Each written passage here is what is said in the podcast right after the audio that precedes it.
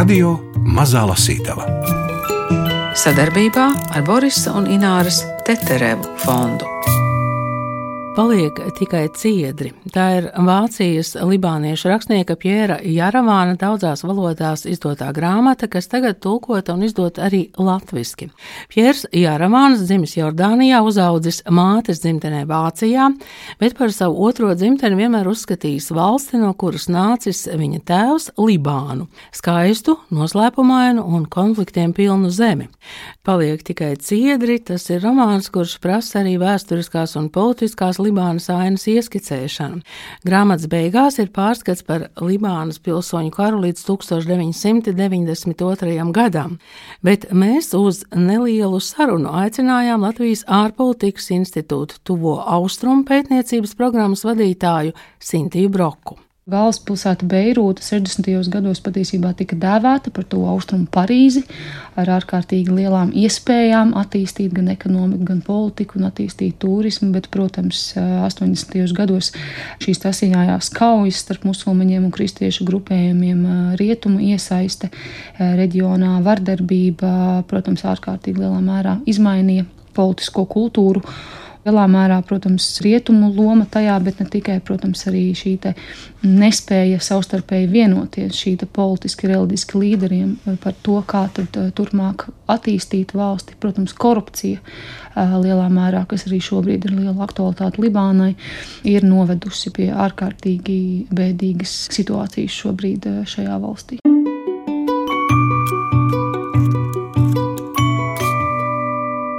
Tēvs bija ātri atskātis, cik svarīgi iemācīties runāt vāciski.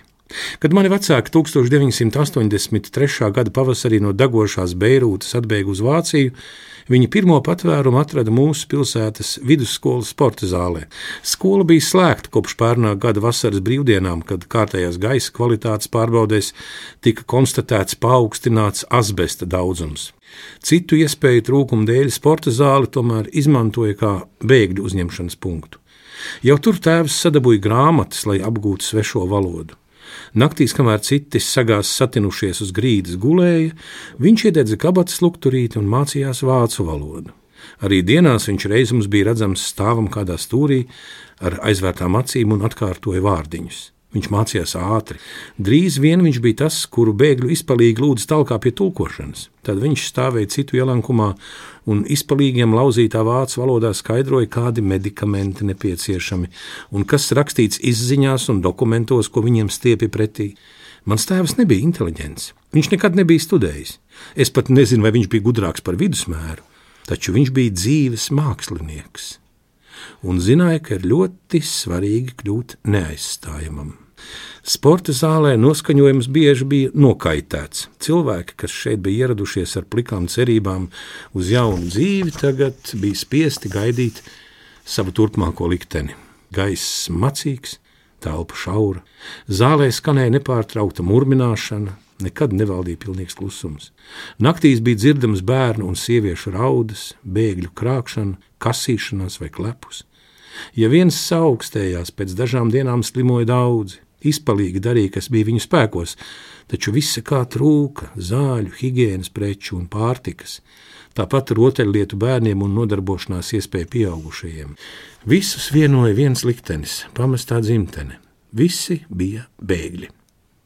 Taču bija nepieciešama uzturēšanās atļauja, un skaidrs, ka visi nevarēs palikt. Arvien biežākas kļuva ainas, kad mātes kliegdamas ķērās pie stieņiem zem basketbola groziem, lai kopā ar bērniem netiktu iznestas no zāles. Ik viens varēja būt tas, kurš atņem vietu kādam citam, tāpēc strīdi kļuva par nopietnu problēmu. Arī šajā ziņā tēvs prata nogludināt asumus. Viņš ar cilvēkiem mierīgi aprunājās, paskaidroja, cik svarīgi ir nesagādāt nepatikšanas un atstāt labu iespaidu, jo sporta zālē notiekošais nenovēršami izsprauksies ārpusē. Ārpusē reizums tiešām stāvēja ļaudis ar plakātiem, kuros bija rakstīts, ka šajā pilsētā tik daudziem cilvēkiem nav vietas. Bija arī citi, tādi, kas atnes maisus ar drēbēm, taču tie bija mazākumā. Tā bēgļi pamazām manā tēvā sāk saskatīt instanci, kurai uzticēt savas raizes. Arī mēs esam cilvēki, viņi žēlojās nevis dzīvnieki, bet mūs te iespundē. Un vēl, Žunijā es biju advokāts, man bija birojs, kas tika nopostīts. Kur lai es eju, ja nevarēšu te palikt atpakaļ? Es nevaru doties atpakaļ. Man vairs nav ne māju, ne ģimenes. Un tēvs viņam piekrita. Taču nekad pilnībā. Viņš atkal un atkal uzsvēra, cik svarīgi ir saprast ārpusē esošos cilvēkus, kuri droši vien baidās tāpat kā daudzi baidās no nezināmā. Jo pilnāka kļuva sporta zāle, jo stāvoklis kļuva sarežģītāks. Ne tikai stress un neziņa lika cilvēkiem iekarst, arī reliģiskās atšķirības bija iemesls lamām un kautiņiem. Daudzi Libānas bēgļi guļas vietas bija sadalījuši pēc konfesijām. Tā no sporta zālē līdzinājās sašķeltās Beirūtas ielām, kreisajā pusē musulmaņi, labajā maronītu kristieši, un savā situācijā vieni vainoja otrus. Tajā, ka ir visu zaudējuši, bijuši spiesti bēgt un dzīvot sporta zālē. Paliek tikai ciedri. Fragments no tās lasa Gunārs Aboliņš. Libānas politisko kontekstu mums palīdz ieskicēt Sintīna Broka, bet Latvijas mēdīņu žurnāliste Linda Kusiņa Šulce mums uzticēja sarunas fragmentus ar autoru Pieru Jaravānu.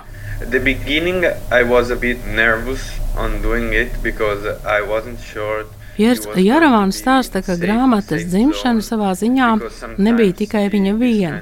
Viņš bija ļoti jauns, ikdienā bija kopā ar brāli, ģimeni un draugiem, viņu aizrauja literatūra. Viņam tiešām ļoti patika grāmatas, bet neprātā nenāca rakstīt savu. Tad viņš uztaisījis YouTube video, un tajā mirklī viss ir mainījies. Viņu pamanīja izdevējs un jautāja, vai viņš nevēlas rakstīt kādu grāmatu. Sākumā bijis mazliet uztraucies, jo nebija pārliecināts, ka tā būs droša zona, jo dažreiz šāda veida stāsti galvenajiem varonim var kļūt sarežģīti.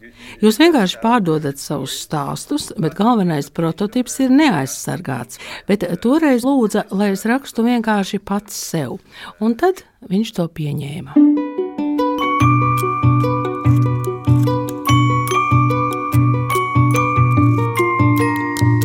Radio Mazā Lasītava.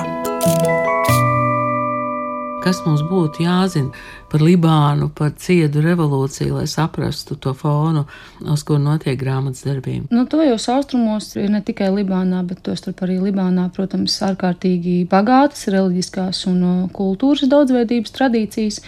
Un šo daudzveidību raksturo arī tieši konkrēti Libānas valsts un Libānas stāsts, kur ir ārkārtīgi liels kristiešu skaits, kas galvenokārt ir sadalīts starp maronītiem un grieķu pareizticīgo kopienu.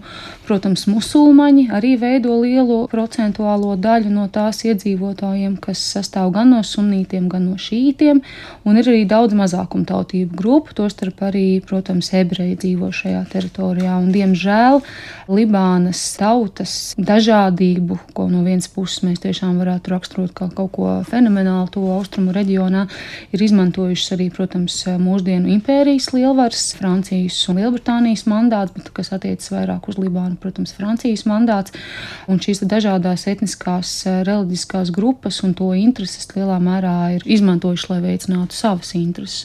Un tas arī ir bijis, diemžēl, Libānas stāsts, kur jau vēsturiski gan konflikti un nesaskaņas starp šī reliģiskajām grupām un sabiedrību kopumā, gan reģiona, protams, konflikti un dinamika, gan arī rietumu, īpaši Francijas, Lielbritānijas intereses reģionā, ir atspoguļojušās ārkārtīgi lielā nestabilitātē. Un jāpiemina arī, ka Libānas vēsture 20. gadsimta otrajā pusē ir bijusi īpaši traģiska, kas no tāda plaukstoša turistu iecīnīta gala mērķa ir kļuvusi patiesībā par ārkārtīgi nomocītu valsti un ne tikai pilsoņu kara kontekstā, bet arī mūsdienās, ja mēs raugāmies ļoti daudz arī politiskajos kolāros tiek šobrīd jau dēvēta par neizdevušos, jeb izgāzušos valsti, ja tam dēļ, ka šie nestabilitātes procesi ir bijuši ārkārtīgi ilgstoši. Romāna galvenais varonis ir Samīrs, kurš uzaudzis Vācijā, taču viņa sirds vienmēr piederējusi Libānai. Pirms 20 gadiem tēvs no viņa dzīves negaidīti pazūd, gluži kā kāds paša noslēpumaino leģendu varonis. Mēs stāvējām krastā, un es iztēlojos, kā pār skujām pārskrien vējš rodas troksnis, kas ir egļu čuksti, kad tās stāsta par savu dzīvi. Es vēlējos kaut tās atcerētos mūsu stāvam šajā krastā un prātoju, nes ko gan eglis par mums teiktu. Bērnībā es jūtu neremdināmas alkas redzēt Libānu, Tā bija milzu ziņkāri par nezināmo leģendām apvīto skaistuli. Veids, kā tēvs runāja par dzimteni, viņa kaisli un sajūsma, pārsviedās arī uz mani kā drudzis. Libāna, ar kuru es izaugu, bija ideja. Ideja par skaistāko zemi pasaulē, ar tās senajām un noslēpumainajām pilsētām, kas virknējas gar akmeņaino piekrasti, lai ar savām krāsainajām ostām pavērstos pret jūru. Aiz tām neskaitāmas līkloču kalnu pārējas, gar kuru nogāzēm plešas upju ielejas ar auglīgiem krastiem un piemērotu augstni visā pasaulē izslavētām vīnogām, un biezie ciedru meži augstākos un vēsākos apvidos, ko ieskauj Libānas kalnu grēda, kuras virsotnes arī vasarās klājas sniegs, kas ir saredzams pat no piepūšamā matrača pašā apakšā jūrā. Mēs stāvējām pie ezera, elpojām vienu un to pašu gaisu un jutām vienas un tās pašas ilgas. Manuprāt, līdztekus mīlestībai vienam pret otru nav stiprākas saites starp cilvēkiem kā dalītas ilgas. Ko attēlo ciedrs uz mūsu karoga? Es jautāju. Tēvs pasmaidīja. Es jūtu, ka viņš labprāt kaut ko sacītu, ka viņš meklē vārdus, taču tad tikai saknieba lūpas. Mēs ielaidām kuģīšus, tikai nedaudz pēc dažiem metriem zaudēja karodziņus, lielais vairums lepni slēja tos gaisā. Tā mēs tur stāvējām. Tēvs bija aplicis roku man ap pleciem, nu, gluži kā feniķieši, viņš sacīja. Tas man patika. Es samīrs, feniķiešu riekstu čaumalu kuģīšu kapteinis. Lai nu brauc tūkstošu gadu, jā, lai pārbrauc ar varoņu stāstiem. Tēvs smējās. Es bieži atceros to dienu. Es zinu, toreiz 1992. gada atvasarā viņš gribēja sagādāt man prieku, un es nu dienu ļoti priecājos. Gan drīz neviens kuģītis nenogrima. Daži bīstami zvārojās, bet neapgāzās. Mēs tur stāvējām līdz pati pēdējā rieksta čaumala vairs bija saskatām tikai kā sīks punktiņš, un es atceros, cik lepns jutos. Taču es atceros arī to, ka viņa roka uz mana pleca kļuva arvien smagāka, elpa arvien dziļāka un skatiens izklaidīgāks. It kā viņš vairs neskatītos uz kuģīšiem, bet uz kādu punktu lielā tālumā. Un to tik labi atceros, tāpēc, ka tā bija viena no pēdējām dienām, ko mēs pavadījām kopā. Debijas romāna paliek tikai ciedri. Centrālais tēls ir Vācijā libāniešu bēgļu ģimenē dzimušais zēns Samīrs, kura tēvs Brahīms pēkšņi pazūd bez pēdām, kad zēnam ir desmit gadu. Kaut arī audzis un dzimis Vācijā, garīgi Samīrs dzīvo Libānā, sekotās politiskajiem notikumiem, Brahīma dzimtenē pēta vēsturi un visur meklē pazudušā tēva pēdas. Asadu ir beigti, vai aizbēguši uz citu zemi, kur vieglāk atrast darbu, lai varētu sievām sūtīt naudu. Un bērniem ir jāpalīdz, ja viņi grib te izdzīvot. Esmu par to dzirdējis ziņās. Libāna uzņēmusi vairāk nekā miljonu bēgļu, lai gan pašai ir tikai nepilni 4 miljoni iedzīvotāju. Viņi vai nu nonāk vecajās bēgļu nometnēs, kur ir arī daudz palestīniešu, tu jau zini pilsētas nomalē, vai atrod nožēlojamas pajumtes kaut kur pilsētā, bez ūdens un elektrības. Un kā libānieši pret viņiem izturas? To libāniešu jau vairs nav. Vai vācieši jūsu zemē ir naidīgi pret bēgļiem? Nu, daži jā. Nabils paskatās uz mani. Cik daudz iedzīvotāju ir Vācijā?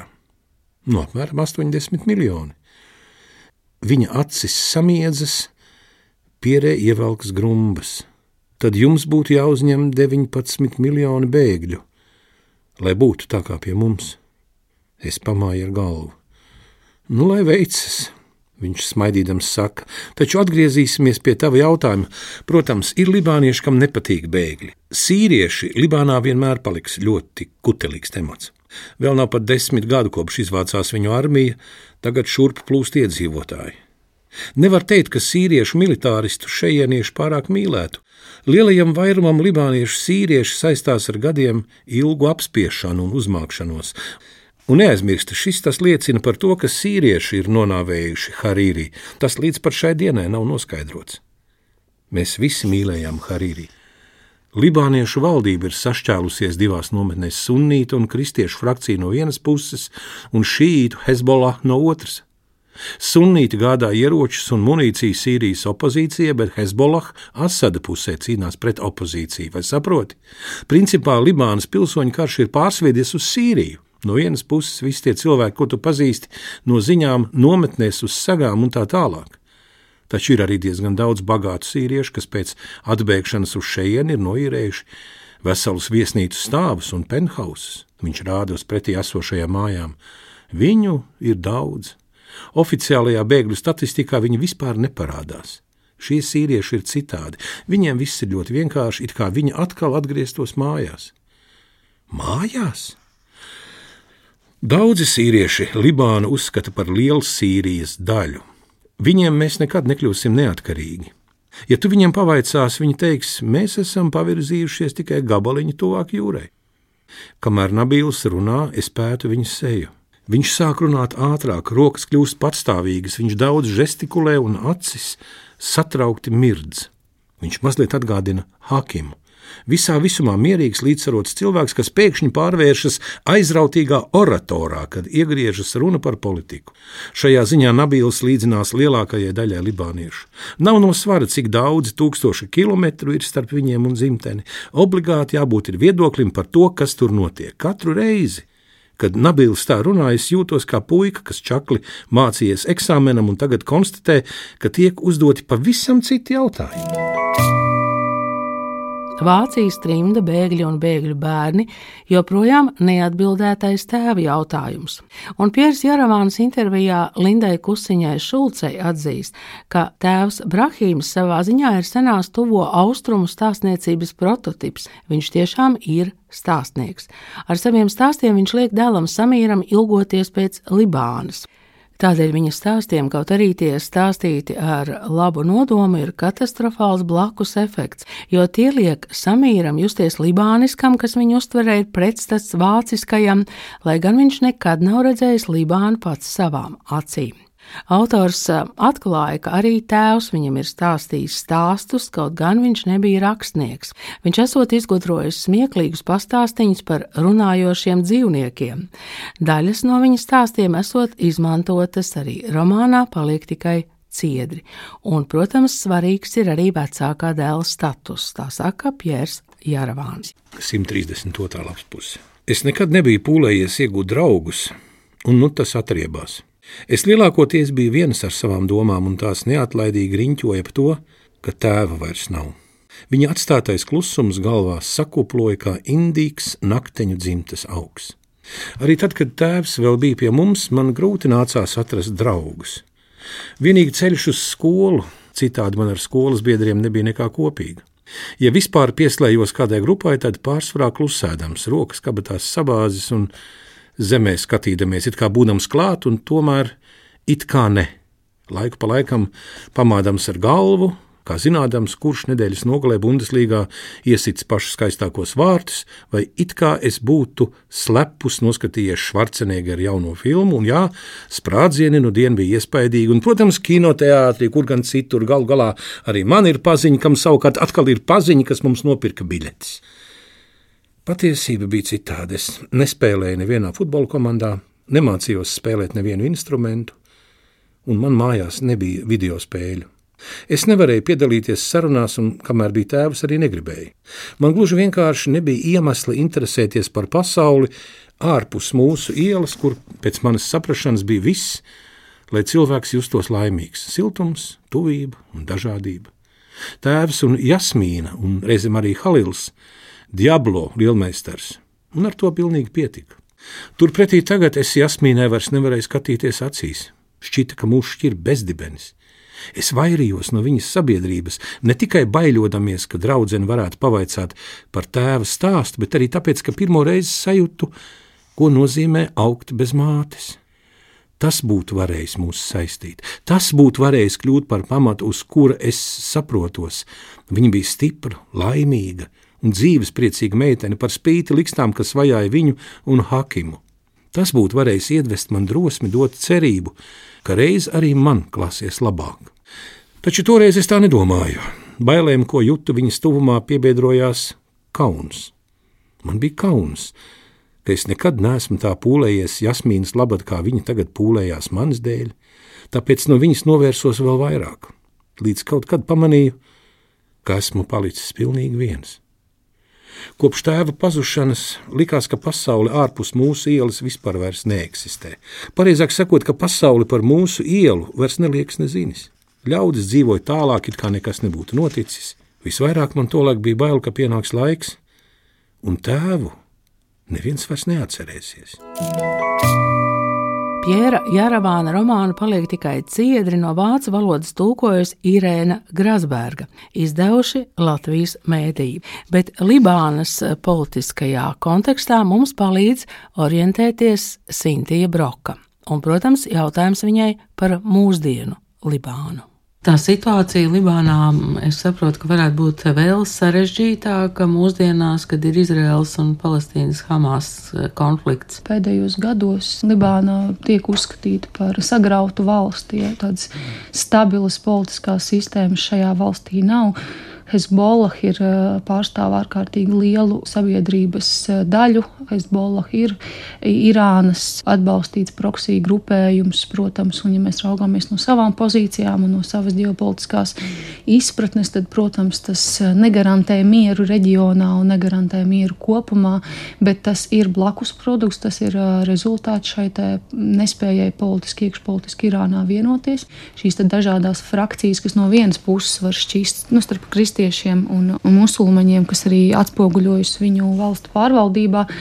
Viņas, protams, no vienas puses ir apsveicamas īpaši tuvu austrumu reģionā, bet no otras puses mēs redzam, ka praksē tas tik viegli nestrādā, ka šīs vīzijas par valstu attīstību un politisko frakciju saikni ar citām reģionu valstīm ir daudz spēcīgākas nekā patiesībā iespējas strādāt savas sabiedrības interesu vārdā, un arī dzen, šīs sabiedriskās intereses jau nav monolītas un vienotas. Ja. Kristiešiem ir vienas intereses, sunītu musulmaņiem, šītu musulmaņiem citas intereses, un ka šīs visas intereses kopumā saduras uh, sabiedrībā, un ja politiskā elita nespēja rast risinājumu, tad, protams, šī nestabilitāte ir garantēta.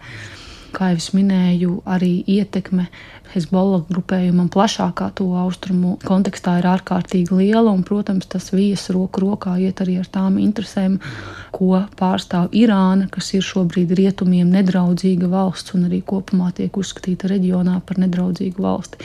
Iekšpolitiku ir, ir Libānas gadījumā noteikti nevar nošķirt no reģionālās dinamikas un no ārpolitikas vektoriem, ko pārstāv gan pašu frakciju intereses gan arī reģionālo spēlētāju intereses reģionā. Jā, nu šī, protams, ir uh, literatūra un, un arī tāda nostalģiska par to Libānu, kāda tā bija. Te pēdējie teikumi ir. Um, Paies milzīgi daudz laika, un beigās, beigās paliks ciedri. Tie stāvēs cieši līdzās un noraudzīsies lejup uz Libānu. Kā, jā, tas ir tāds stāsts par, um, par tēvu ar tādām milzīgām skumjām, protams, par to, kas notiek Libānā personīgie stāsti ir absolūti traģiski un, un sāpīgi. Un, nu, ļoti bieži analizējot ģeopolitiskos notikumus, mēs koncentrējamies uz tādu pliku politiku, bet uh, politikas beigās tomēr uh, stāv cilvēks, stāv ģimenes politiskiem lēmumiem, gan iekšpolitiski, gan ārpolitiski. Protams, uh, ciešas vairāk civiliedzīvotāju un ģimenes. Un ar lielu prieku iepazīšos arī ar šo grāmatu, lai vēl vienu stāstu, vēl vienu pieredzi iepazītu un, un spētu kopumā. Nu, šāda veida stāsti noteikti ļauj mums kopumā kā sabiedrībai būt empātiskākiem un līdzjust sabiedrības daļām, kas no vienas puses ir tālu no mums, bet tā ir sabiedrība, tā ir civilizācija un tās ir īstas ģimenes.